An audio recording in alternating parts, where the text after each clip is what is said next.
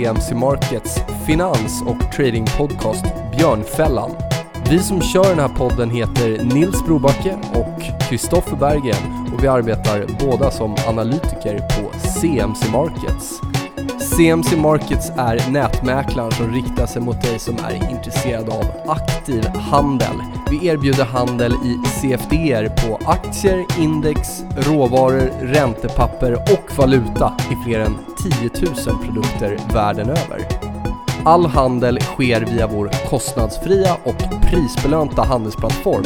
Vi finns nu i 17 länder och är börsnoterade på London Stock Exchange.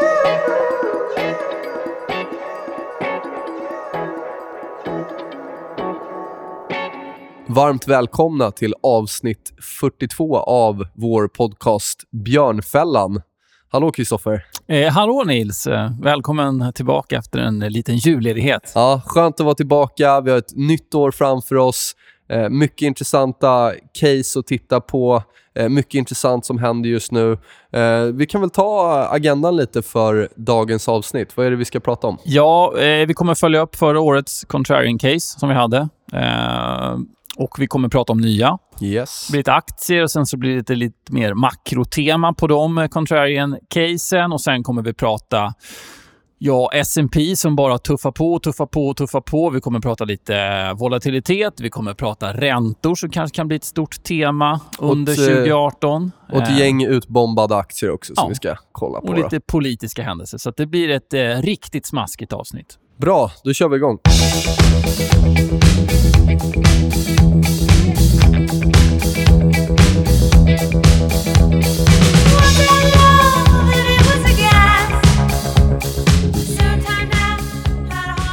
Yes, då börjar vi med våra contrarian trades för 2017. Ska vi snabbt gå igenom vad, vad är tanken med en contrarian trade eller en Costanza trade som du gillar att ja, kalla det också? Då? Precis. Eh, nej, men det är väl egentligen att man går emot det alla andra tycker, så att säga. Ja, man tar... de flesta i alla fall. Ja, precis. Ja. Eh, och då får man ju hålla lite koll på. Det. Man går ju emot trenden ofta vilket kan göra ont. Så där kanske man får invänta vändningar och så vidare. Men när det väl vänder så kan det bli bra tryck. Ja, men det stämmer. Eh, många av mina case som jag hade byggde egentligen på eh, sentimentet kring US-dollar i början av 2017. Det var extremt positivt.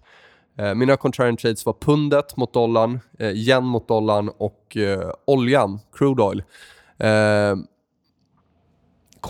Kombinerat med att graferna började se ut eh, som att de bild hade bildat en botten i de här tillgångslagen. Då. Och om vi lägger på det här sentimentet så blir det en extra kraftig signal för mig. Um, pundet stängde lite drygt eh, 13% upp då, mot dollarn. Uh, just nu handlas vi eh, 16% upp från de nivåerna i början av året. Jag vet inte om ni kommer ihåg, men vi hade den här Brexit-urblåsningen och sen ett test av den eh, botten som kom in 2016. Så en, två där lite drygt. Vi fick en mars-test av den nivån också då, och sen så trendade det uppåt. Eh, yenen inte gått lika bra, men den var som mest upp eh, 9% mot dollarn då, i dagsläget 6,5%. Och sen hade vi oljan. Eh, där tittade jag på 50 som skiljelinje.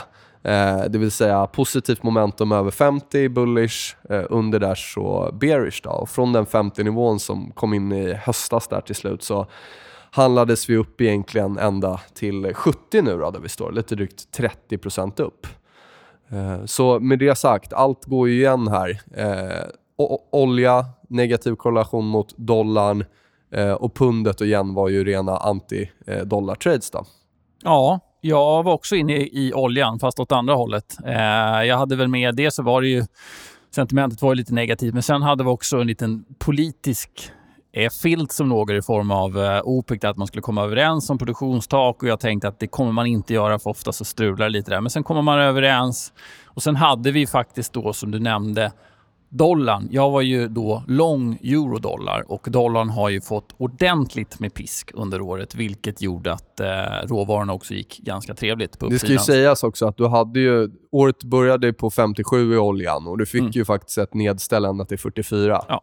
Så att den blev ju tidigt rätt, Precis. men vände sen. gick det lite för kraftigt i, uh, i, uh, euro, eller i dollarn där, så mm. då fick vi ju en ordentlig fart på, Eh, på um, råvarorna. Men det är ändå 50 Eh, bra rörelse i eurodollar, en sjuk rörelse i eurodollar. Ja. Vi kommer återkomma till den, för den är med i contrarian-caset i år faktiskt. Och just där tror jag, som vi nämnde här i början, det man vill ha med... Vi, som, som alla trades så vet vi aldrig hur saker och ting spelar ut, men syftet med en sån här contrarian trade är att om vi väl får rätt så blir det väldigt, väldigt rätt. När de flesta andra står på andra sidan. Då. Och det, det får man väl säga att både euron gav uh, och även uh, mina trades också. Då, ja. Att det blev väldigt, väldigt bra risk-reward på de tradesen som är det man vill leta efter. Då. Precis. Jag tänkte vi ska blicka tillbaka till 2017 eh, och kolla lite på S&P som har Ja, nu har det tagit ordentlig fart och tittar man på 2017 så har det inte haft... Den här alla månader under hela året var positiva. Vilket är egentligen helt sjukt. Tittar man tillbaka på, jag tror att det är de ja, 21 av senaste 22 månader så är man positiv. Man räknar in utdelningar och så vidare. Så att trenden i S&P är och har varit väldigt, väldigt starkt i många år. Tittar man på sentimentet på marknaden som vi ofta pratar om och så att säga är intresserad av när det gäller då contrarian case så är också det extremt positivt. Eh, det finns ett eh, ja, en indikator som heter Bull Bear Ratio är på väldigt höga nivåer i relation till hur det har varit historiskt. Långt över eh, IT-bubblan, långt över finanskrisen-nivåer. Eh, en ganska intressant måttsticka det är hur, hur allokerade hushållen är till, till aktier och hur mycket cash man har. Och just nu så har hushållen minst andel cash. Eh, sedan, finans, eller sedan ja. IT-bubblan. Precis. Och vi brukar, tyvärr brukar hushållen vara ganska dåliga på att tajma marknaden. Man är väldigt känslomässigt involverad och skickar in alla pengar när det som sagt har gått väldigt kraftigt under många år och så ser det ut just nu. Jag såg också att eh, RSI eh, står på i princip all time high då, på SPX om man kollar på monthly mm. och är extremt överköpt men har fortfarande inte börjat trenda neråt. Nej. Eh, jag gillar ju egentligen inte såna historiska jämförelser och någonting har hänt x gånger om vi blickar tillbaka. Jag tycker det, det, ja, det kan bli lite missvisande ibland, men om vi nu ska titta på hur det har sett ut tidigare när det varit liknande överköpt på monthly RSI, eh, då har det gått ett par månader till upp. Då. Så att man ska inte, bara för att vi har satt ett all time high i RSI så ska man inte anta att eh, det är på väg att vända, utan det är ju att vi vänder ner i RSI vi vill se. Då. Eh, någonstans så är ett, väldigt många köpare ändå ett, ett styrketecken, ja. får man väl ändå säga. Då. Och det där är väldigt viktigt också, för att kollar man på nyckeltal, värderingar och så vidare, så blinkar det mesta rött. Mm. Men trenden är väldigt stark.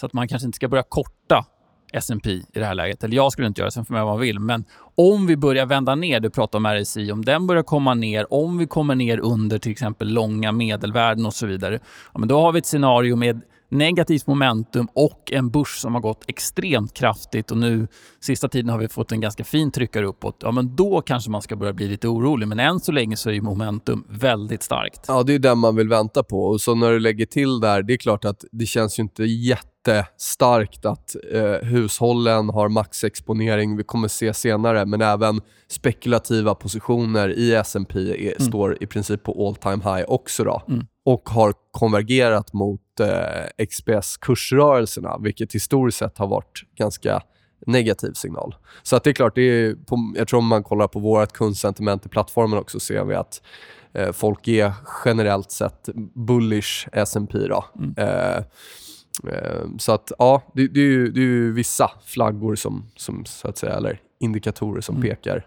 vi har pratat om det här med hur folk belånar portföljer. Vi kollar på margin depth också klättrar vidare på rekordnivåer. Eh, man tittar på olika mått. Samma sak där. Där är riktningen intressant. När den väl börjar trenda ner, ja, men det är då liksom det sker margin calls, det sker likvidering av positioner. Men så länge det trendar uppåt, ja, men då kommer folk fortsätta belåna portföljer och margin-debt kommer öka. Men det är när vi får en trendvändning, det är då det kan bli stökigt. Det finns ju en eh, permabjörn där ute som eh, heter Jeremy Grantham, eh, som jobbar för GMO. Eh, stor förvaltare så att säga. Han har ju varit, som sagt, eh, bear-inställd under lång tid, men han eh, har jämfört lite tidigare bubblor. Eh, och då har han kommit fram till att ja, men runt 20 månader är sista tryckaren.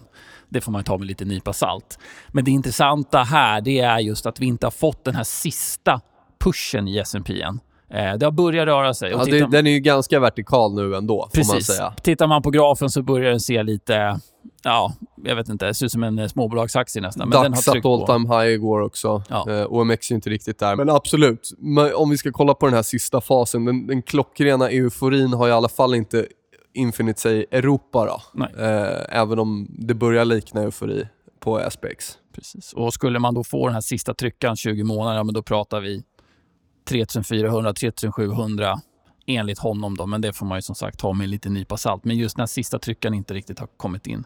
Eh, det är ju inte bara S&P heller som har haft alltså som har tickat uppåt successivt. Utan kollar man på ett bredare MSCI Total Return, alltså World Total Return ja, ja, allt är ju upp. Ja. Och det är upp och nosar. Jag vet inte om det har brutit upp över all time high ännu. Jag tror inte det. Men jag såg att emerging markets var upp och nosade där på all time high också. Precis. Och det roliga med det MSCI World indexet är att vi har inte haft en drawdown på 5% Alltså vi pratar 5% Det är inte mycket. På, jag tror att det är över 300 handelsdagar. Ja, det är extremt. Uh, så det finns, det finns uh, utrymme för lite skakerier där ute. Ska vi kolla tekniska nivåer på S&P så sitter jag och kollar på i första hand en, en, eh, en rekyl ned på 5% skulle ge lite drygt 2700, vilket ser rimligt ut. Mm. Eh, första egentligen stöden uppåtgående trendlinjen. Bryter vi där 10% ner 2500. Eh, de nivåerna jag sitter och kollar på på nedsidan vid eventuell rekyl. Då. Eh, bryter vi 2900 på uppsidan, ja, men då, kan det, eh, då bör det ge eh, ytterligare styrka om man tittar på... Alltså här, och här ska man säga, vi skojade om det innan, det är sjukt svårt att hitta tekniska nivåer på ochartat territorium mm. så att säga. Vad, vad, fokuserar vi på? Det är jättesvårt. Eh, jämna nivåer och, och symmetri, ja. det, det, är det jag tror man får titta på. Men ja, svårt att hitta en, en uppsidenivå när vi inte varit där och, och kladdat förut. Precis. Man kan ju slänga in lite medelvärden. Då får man kanske ha lite kortare om man vill vara lite snabb, mer snabbrörlig. Men som sagt, det, det, när man inte ser hur köpare och säljare har agerat ovan eller under så är det väldigt svårt att hitta intressanta nivåer. Vad du än gör bror, du lopeta, lopeta, lopeta. Sirenerna fortsätter snurra, du hör hur det låter va?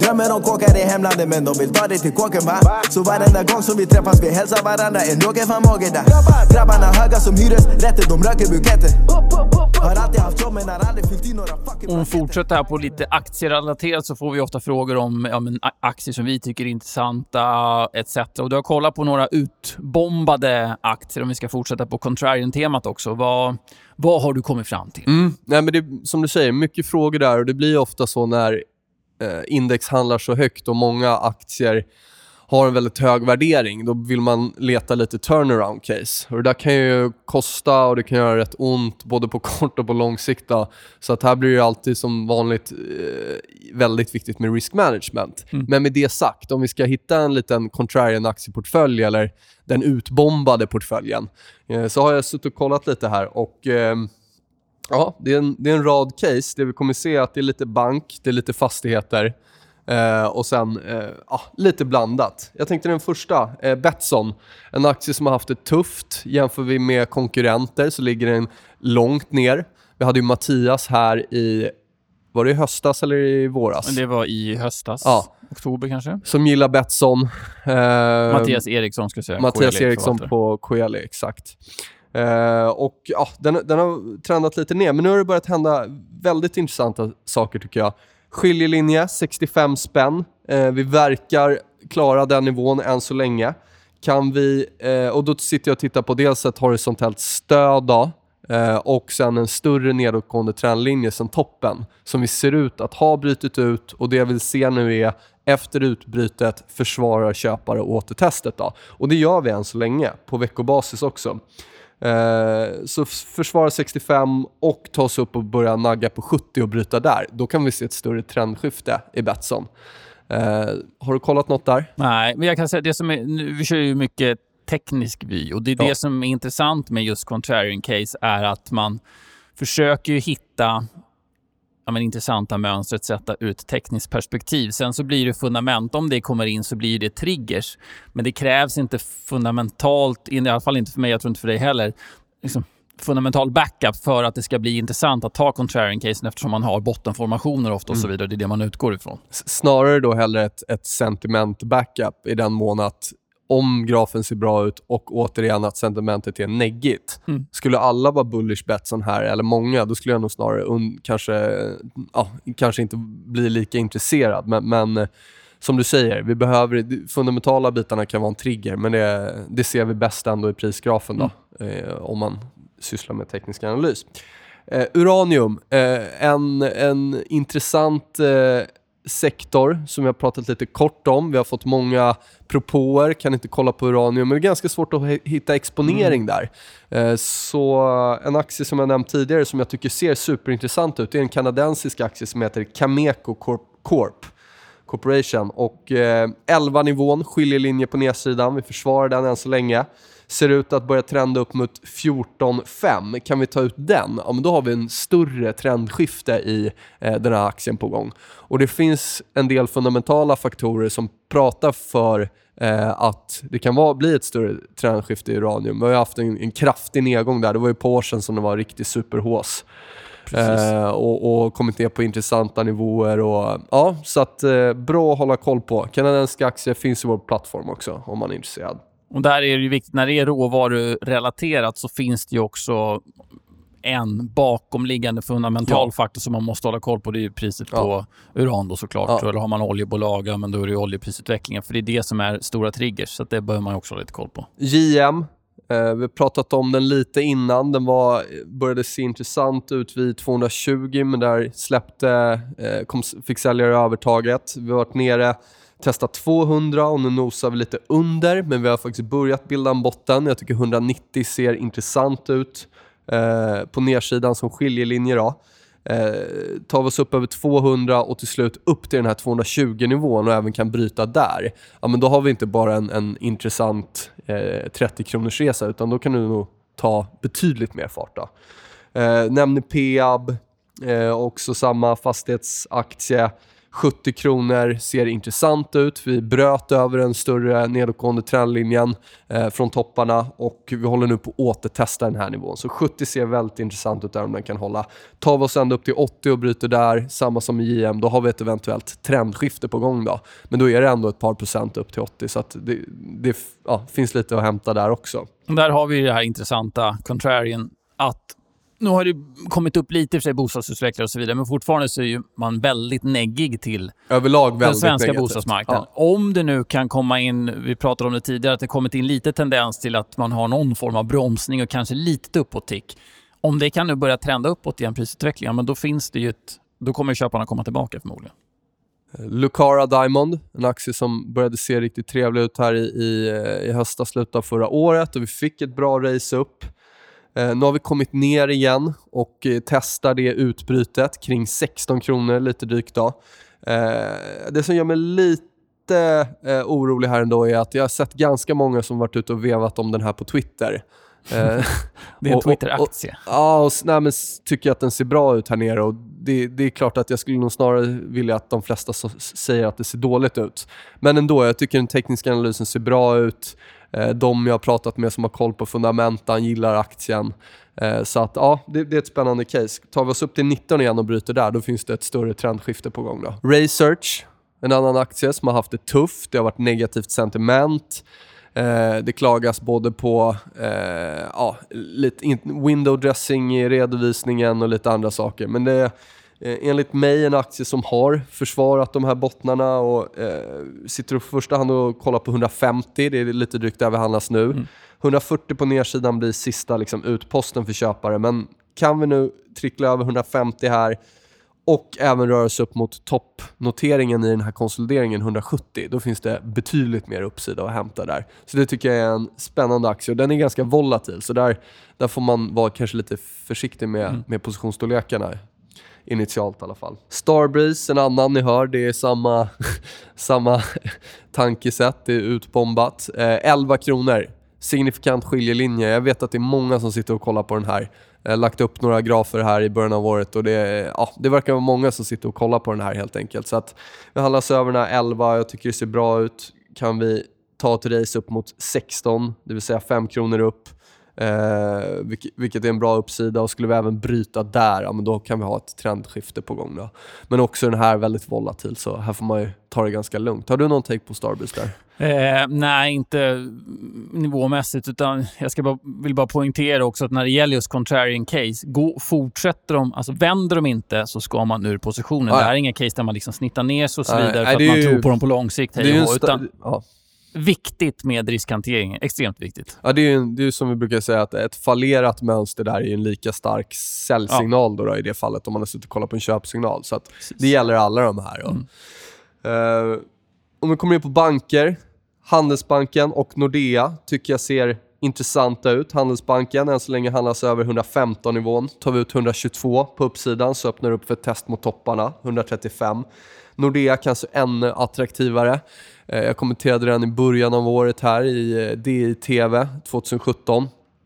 Och då satt vi och kollade på 110-100-rangen där, 10 spänn. Och vi är faktiskt handlas runt 100 nu igen då. Så att det har inte varit några jätterörelser i den aktien under 2017. Eh, jag tycker det ser bra ut. Kan vi ta ut även 105 så kan det bli ett större uppställ mot 120 kronor. Och skulle vi även passera de topparna, men då, då kan det dra på rejält. Då. Men i alla fall en 15-20 kronor på uppsidan här om, om 100 håller. Då. Och Det skulle ju även driva på index också om vi får mm. lite stark, starka banker. Eh, Telia, eh, 37 kronor. Det är en aktie jag gillat egentligen hela året. Jag tycker den är attraktiv, dels på grund av utdelning men också att den börjar se ut som den har bottnat ur här. Vi har gjort flera försök att, att bryta 370 men köpare kommer in hela tiden.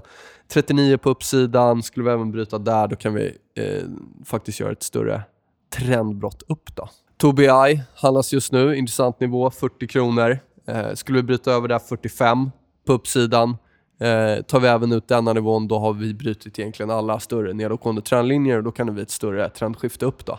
Men ändå en 10% upp till den 45-nivån. Eh, och så Skanska, då, en till fastighetsaktie. Stor blowout här, jag tror det var förra veckan. Vinstvarning.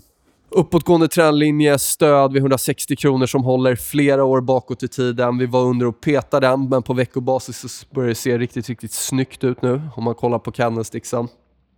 Eh, negativt sentiment som fan eh, på det. Då.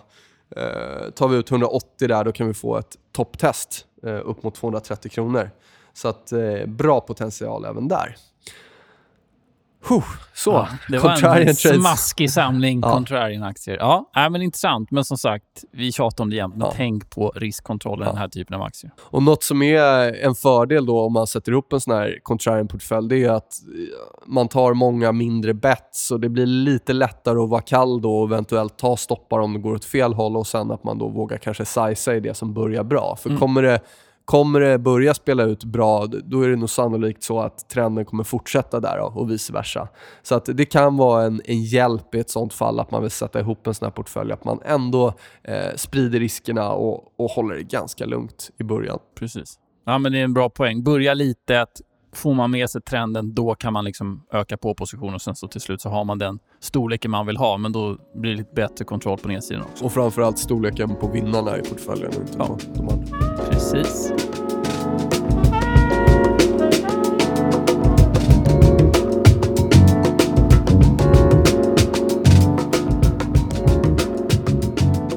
Ja, någonting som har diskuterats oändligt under eh, 2017 är ju nivåerna på VIX. Att VIX då har handlats på extremt låga nivåer, vilket ja, indirekt betyder att volatiliteten har varit väldigt, väldigt låg. Ska bara dra lite kort data. Om man kollar från 1990 till eh, slutet 2016 så handlades VIX under 10 vid 10 tillfällen.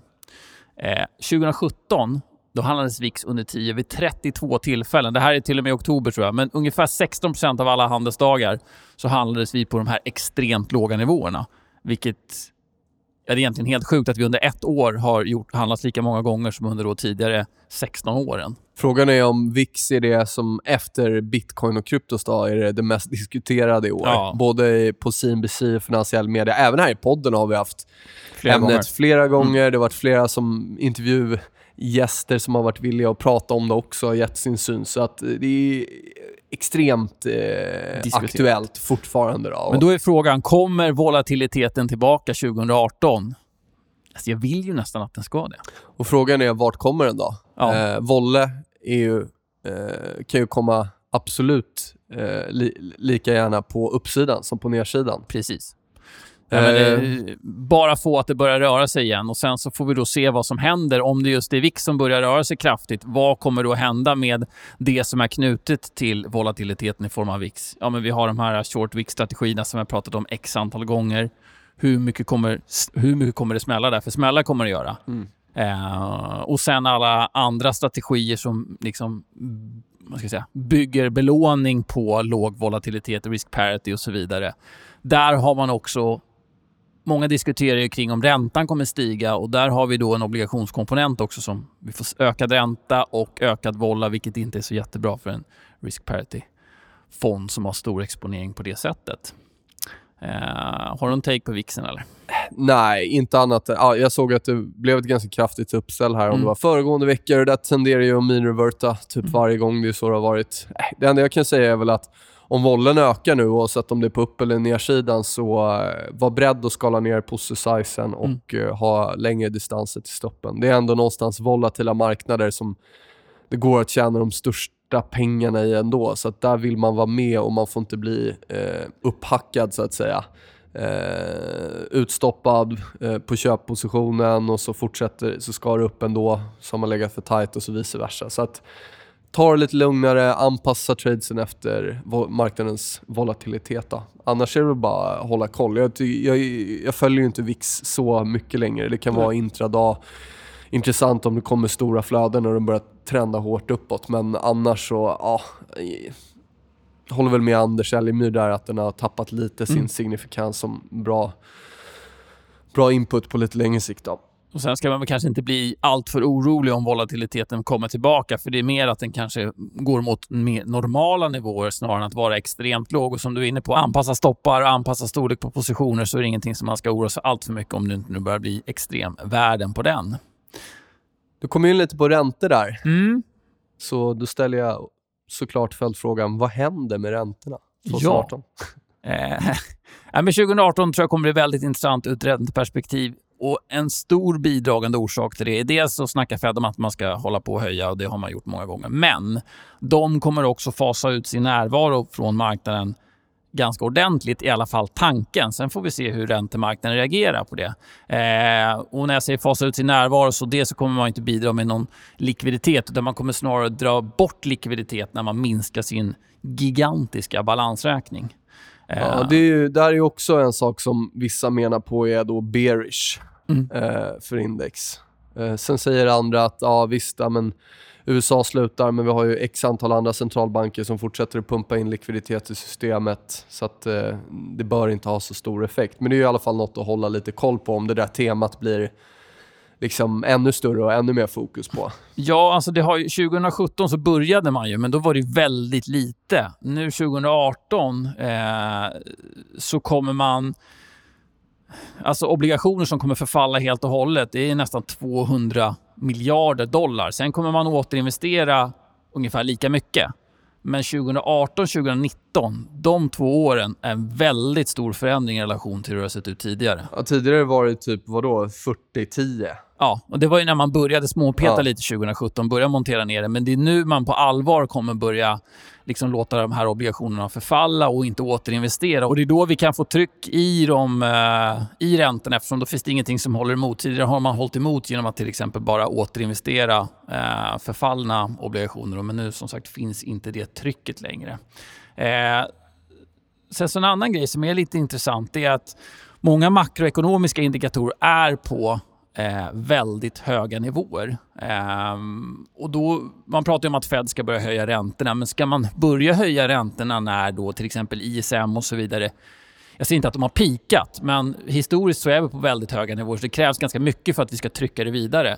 Om vi då får ett negativt momentum i till exempel makrodata, ska vi då ha en Fed som fortsätter trycka räntorna eh, fortsätter höja räntan och så vidare. Jag vet inte, nu tuffar ju den amerikanska ekonomin på, men det är ändå ett intressant läge där som sagt makroekonomiska ek- indikatorer på väldigt höga nivåer.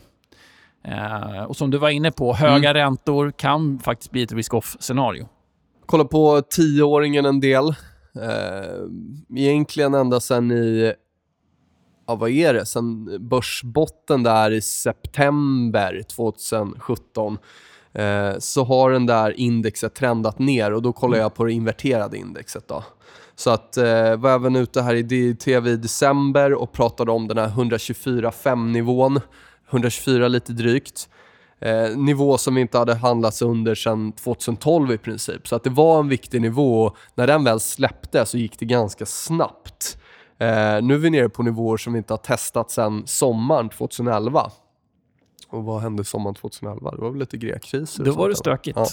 Så att eh, stora rörelser i tioåringen och eh, tror också det gav den här pushen att, att börserna kom upp här, eh, den rörelsen ner. Det ska ju ses som en inverterad eh, kor korrelation till just då börsen, då, det här indexet.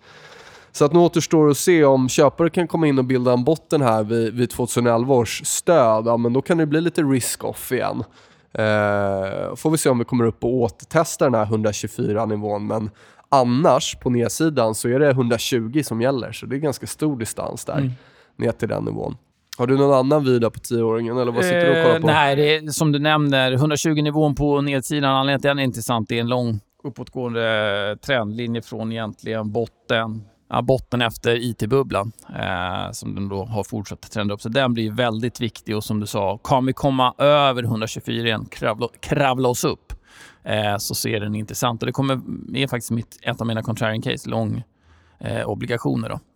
Eh, men det återkommer vi till. Men en annan grej som är intressant med just räntorna i USA som har pratats en del om, det är att man börjar bli lite orolig för att man ska få en invertering av avkastningskurvan. Och Då är det framförallt tvååringen mot tioåringen som man tittar på, eller tvärtom. Vad, ska, vad indikerar det då? Ofta är det så att man har en uppåt, alltså lutningen på kurvan är uppåt, det vill säga att ju kortare löptid du har, desto lägre ränta får du och sen så desto längre löptid du har, desto högre ränta får du för att det är mer osäkerhet på lång sikt, etc. etc. Men vad som händer när avkastningskurvan inverterar, det är att korta räntor ger högre ränta än vad långa gör. Och det kan bero på att man är orolig, så investerare trycker in pengar i långa räntor. Man är ändå beredd att få lite lägre avkastning i relation till lite kortsiktiga risker och då flödar in pengar i obligationerna vilket pressar ner räntorna. Eh, och Det som har hänt nu om man tittar på till exempel tvååringen. Nu pratas det mycket om att Fed ska börja höja. Eh, Trump, eh, det är skattereformer och så vidare. och så vidare. Och man, man, har sett en ganska kraftig rörelse i tvååringen. Den har gått upp, jag tror att det var från 1,80 ungefär i början av månaden till eh, 2,07. Eh, kanske inte säger sådär jättemycket, men det är en kraftig rörelse på räntemarknaden. Tioåringen har inte alls hängt med i samma takt visserligen fått lite fart. Eh, men vi är inte i inverterat läge än. Och varför pratar alla om det här inverterade läget? Jo, tidigare så har det ändå inneburit stress på marknaden och i vissa fall också efterföljande recession då om man eh, släpar ut det där något år eller två. Så den ska man absolut hålla koll på för att får vi en invertering, det kommer vara mycket, mycket snack om på marknaden. Såg att Goldman hade ett av sina toppicks i år som var eh, kort HYG, alltså High Yield Corporate Bond Index i USA mm. och spela lång på emerging markets mm. corporate bond där. Och jag tycker väl att det ser ut som att hyggen ser fortsatt starkt ut. Den indikerar risk-on, så jag, jag håller inte riktigt med där. Och Sen ska man dra liknelsen, som vi har ju haft några gäster här som har pratat om det tidigare också, men tittar vi vad eh, den yieldar jämfört med europeisk corporate eh, ja, bonds så är det ju fortfarande mycket mer attraktivt. Då. Så håller vi inte riktigt med där. Men Det som kan vara intressant där gällande hyggen också, det är att får vi en för kraftig rörelse i räntan, säg att vi passerar 3% som många håller koll på, kommer upp kanske på 4% om det nu skulle bli den kraftiga rörelsen, då tror jag definitivt det kommer bli risk-off på marknaden för att då kommer vi upp på höga nivåer då kommer man börja diskutera, men kan folk betala sina räntor? Fed har ändå väldigt mycket pengar i eh, amerikanska obligationer och de, där stiger också räntan. Liksom. Vad händer då? Så då blir det snarare ett, ett positivt scenario för ekonomin där man höjer räntor så är det ett negativt scenario för att folk inte kan klara den räntan kanske. Ett annat tema som pratats en del om 2017 och jag tycker att det har eh, ökat ganska markant, eh, det här ämnet, det är yuanen. Mm. Ska yuan bli nya US-dollar? Eh, Bundesbank har tagit in yuan som valutareserv. Eh, ECB gjorde samma sak 2017. IMF tog, un, tog in den då under sin SDR. 2016. Sen har vi det här med Petro, yuan, som är på tapeten. Det vill säga, ska vi börja prisa oljekontrakt i yuan istället? Eh, och det har pratats om faktiskt i eh, ja, vad är det, fem, sex år. Ja, men det är väl, 2012 det är väl, började man Ja. prata om det. Då fick man ganska, då fick vi väldigt kraftig rörelse på oljemarknaden. Eh, men eh, Ja. Så så det, det är absolut ett tema som kan vara intressant att hålla koll på. Vi har ju några riktiga Kina-bulls borta i USA. Mm. Eh, bland annat Mark Jusko med flera. Mm. Eh, och sen så har vi andra sidan också. Då. Jag vet att där har både du och jag lyssnat på en, en väldigt bra eh, podcastserie. Då. ja, det var Macro Voices. De hade något dollar-tema där, fem Ja. avsnitt. Dollar Endgame som det heter. Och det, det rekommenderar jag. Vi kommer inte på något sätt lyckas förklara och berätta på samma bra sätt som de har gjort. Så vill, vill man ha en fördjupning där, eh, Nej, men oavsett om man den. tycker att det är Ja. struntprat eller om man håller med om att det är en risk i att det kan bli så, så ska man lyssna på den serien. Mm. För det är en väldigt bra perspektiv på saker och ting. Så kan man se också några veckor efter att det har kommit ut så blir det temat ganska diskuterat på CNBC. Mm. Så det känns ju som att de snappar upp de där ämnena. Eh, sen har vi politiska händelser 2018. Vad ska vi hålla koll på? Ja, det är ju... Eh, det framför allt man kanske ska hålla lite koll på. Det är val i Italien 4 mars. Sen är visst det är val i Ryssland, men det, vi vet nog vem som vinner där. Eh, om inte han vinner så, ja, då blir, kanske det blir mycket positivt. Jag vet inte. Eh, sen så är det midterm election i USA i november. Eh, så det är väl framförallt de två politiska valen som är intressant. Sen har vi ju val i Sverige också, om jag inte missminner mig. Ehm, I september brukar väl det vara. Och sen så, så kommer det vara fortsatta diskussioner kring Brexit och hur man ska göra det etc. Men eh, lite politiska val som är intressant att hålla koll på. Jag ska också tillägga där, när vi pratar om det här med yuanen, man, man tänker att ah, men okej, nu ska det bli petro och yuan istället för petrodollar och så vidare. Men kollar man på hur mycket pengar som faktiskt används för att betala med yuan så är det, jag tror att det var Swift-systemet, så är det bara 1,5 procent. Ja, så vi är Av alla absolut inte där nej. nej. Men det är ett sjukt intressant tema för lång sikt.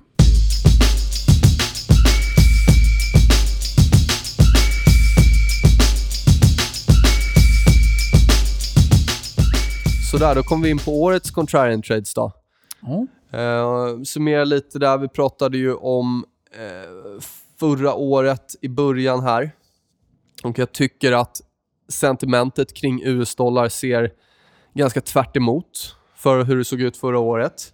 Eh, vi fick en dollarbotten i, i september som vi var ute och pratade om lite och den gav också lite uppställ på börsen. Men eh, återigen så börjar nu, eh, börjar nu sentimentet bli väldigt, väldigt negativt kring dollarn.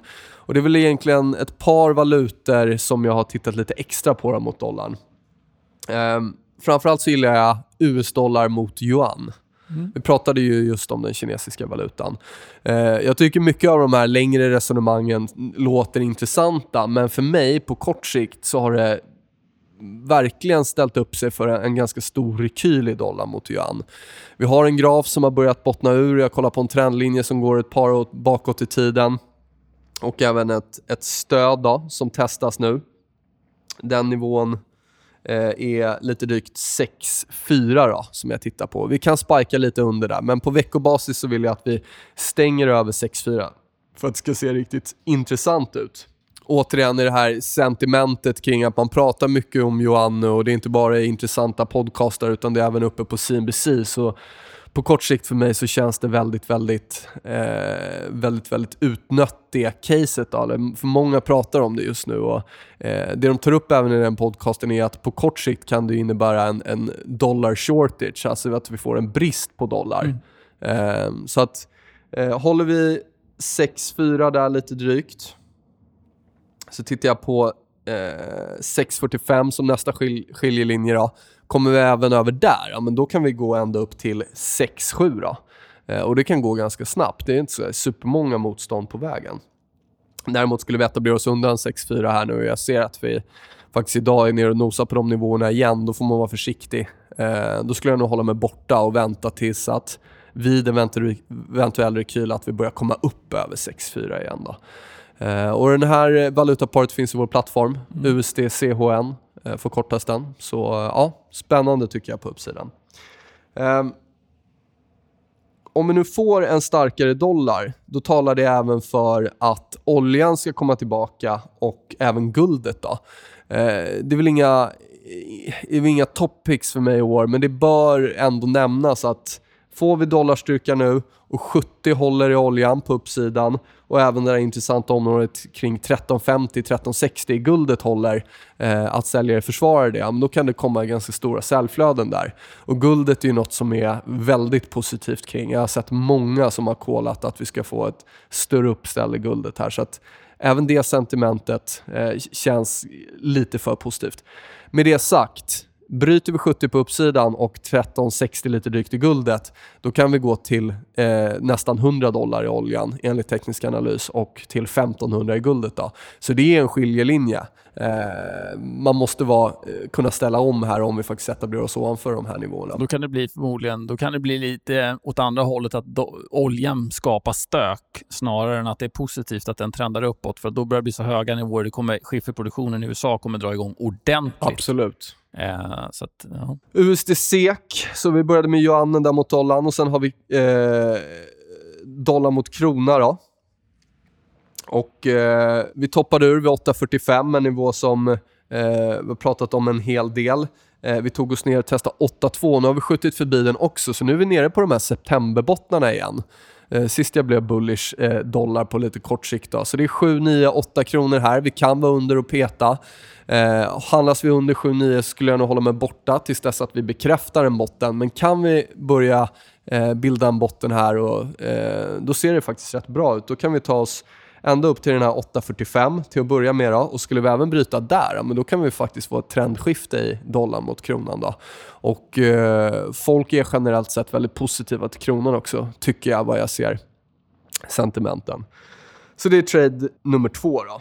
Sen så har vi pundet då mot dollarn som var en topic från förra året och där är jag väl, jag är väl inte supernegativ till pundet på längre sikt men på kort sikt tror jag att vi har toppat ur här uppe vid 1,4 och tittar på en rekyl ner mot 1,3. Eh, men det är väl framförallt jag vill hålla fram dollarn mot yuan och dollarn mot kronan i år som jag tror kommer vara intressant att hålla koll på. Och återigen, får vi fortsatt dollarsvaghet då kan det trigga ytterligare uppgång i oljan och i guldet. Men även där eh, ser det intressant ut på kortsidan om dollarn börjar stärkas. Då. Ja, då ska jag prata lite contrarian trades då och en av dem är faktiskt eh, en invertering av förra årets case och det är då i det här fallet eh, kort eurodollar. Men inte kanske riktigt än utan jag vill få upp den lite till viktiga tekniska nivåer. Men om vi ska börja med hur sentimentet ser ut i eurodollarn så med tanke på den rörelsen som har varit så kanske det är förståeligt men nu är vi på Alltså andelen spekulativa positioner som tycker att den här ska fortsätta uppåt är på extremnivåer. Vi var inte så här högt under finanskrisen utan vi har senaste tiden så har vi spikat upp ordentligt i de positionerna vilket gör att det finns inte så mycket just nu i alla fall som kan trycka det vidare. Jag kan tänka mig att det var det omvända början av förra året när du valde euron. Exakt, ja. då var alla väldigt eh, eh, neggiga kring det och då fanns det ett, vad ska vi säga, en politisk oro som var, som var inprisad, tyckte jag. Det blev inte så mycket politisk oro. Nu finns det ett politiskt lugn snarare som jag tycker är inprisat. Visst, vi har inga så, inte så stora grejer, men man vet aldrig. Det är val i Italien, det kan vara andra saker som dyker upp och det kan stöka till det för, för euron. Eh, sen har vi ju då också problemet med att en alldeles för stark euro gillar inte ECB. Eh, det så hämmar exporten och sen så Centralbankerna är ju extremt sugna på det här med inflation, 2% inflation. Och har man en för stark eh, valuta så hämmar inflationen för att man importerar lika, lika mycket inflation så att säga. Så där kan ECB börja knorra lite om vi kommer upp Har du några nivåer där? Ja, Ja. 1,25, 1,27 på ja. uppsidan. Det är den där större nedåtgående trendlinjen och det är väl om vi bryter upp här nu från, vi handlas lite över 1,23, då är det en nivå som jag också sitter och kollar på. Så håller den emot, då är så att säga den korta traden live. Bryter vi den nivån, då är det faktiskt ett styrketecken. Så då skulle jag inte vilja ligga kort för att den är, den är från finanskrisen, den eh, mm. långa trendlinjen. Så har... kan du ju spika över där. Kom vi, jag antar att du då tycker att kommer vi tillbaka under den då igen och så. Precis, det är då det börjar bli intressant. För Då har man sentimentet, så att säga. Alla som ligger då euroexponerade kanske börjar stänga positioner mm. och så vidare. Då kan man få förhoppningsvis en liten rullning på nedsidan. Ska man prata dollarindex, som också är intressant att hålla koll på. Viktiga stödnivåer på nedsidan ringer runt 88,70 eh, och sen så förbi där är vi nere på 84,70 ungefär. Eh, så där vill jag gärna ha upp den över eh, 92 helst för att få liksom, verifierad eller bekräftad dollarstyrka och lite bredare dollarindexet. Sen kan det ju faktiskt bli stökigt på börsen under året. Eh, och dollarn är ju en safe haven eh, fortsatt, så det kan ju också skapa lite inflöden. Så vi får se. Nästa contrarian är eh, lång eh, obligationer, det vill säga eh, de får ju stryk om räntan fortsätter uppåt, så det är egentligen ett späck på att räntan inte kommer fortsätta trenda uppåt så mycket. I alla fall inte om man ser på hela året som eh, som helhet. Anledningen till det, dels så har vi också ett extremscenario vad gäller korta positioner i, i amerikanska räntepapper.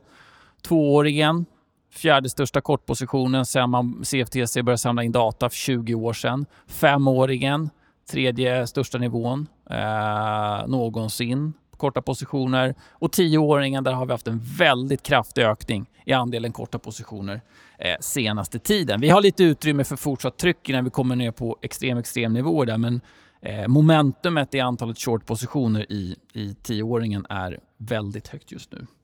Eh, kollar man vidare sentimentet.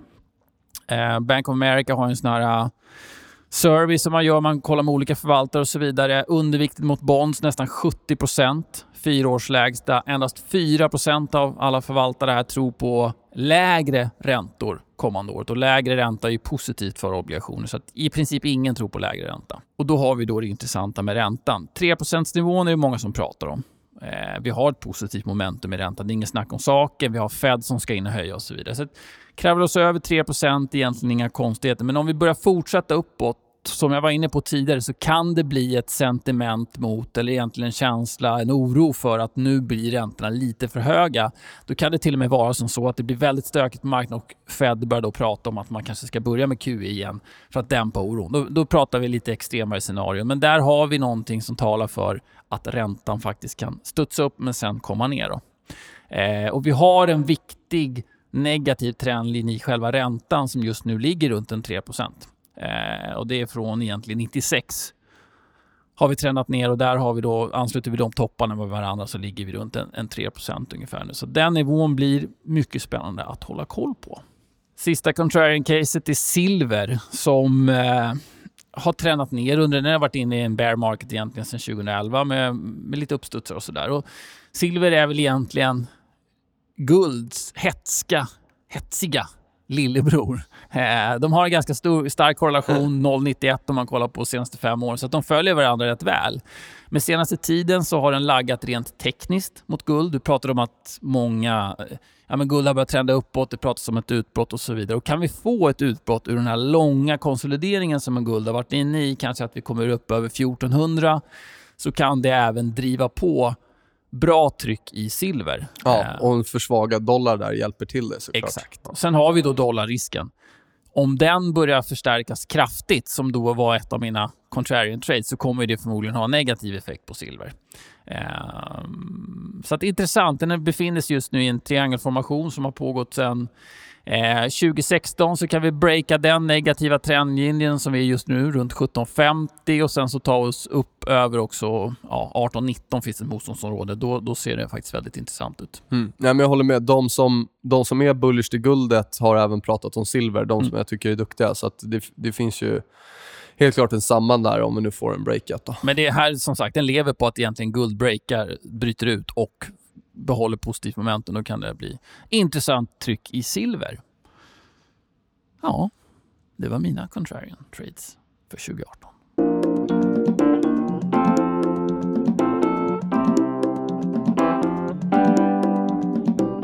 Sådär då, det var avsnitt 42. Klappat och eh, klart. Kul att vara tillbaka. Lite ringrostig, men mm.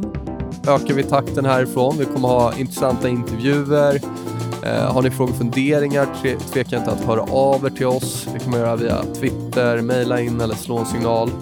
Ämnen, intervjuoffer eller liknande. Då. Som vanligt, missa inte Trade CMC, vår eh, finansiella nyhetssida där vi blandar nyheter från Finwire, eh, material från oss, material från externa krönikörer analytiker och så vidare. Så att, eh, missa inte den om ni inte har sett det ännu. Tradecmc.se Ja, och har ni feedback, positiv som negativ, skicka gärna den till oss så att vi vet vad vi kan bli bättre på. Bra, men då säger vi väl så. Till nästa gång. Ha det gott. Ha det. Lycka till i tradingen. Hej! Hej.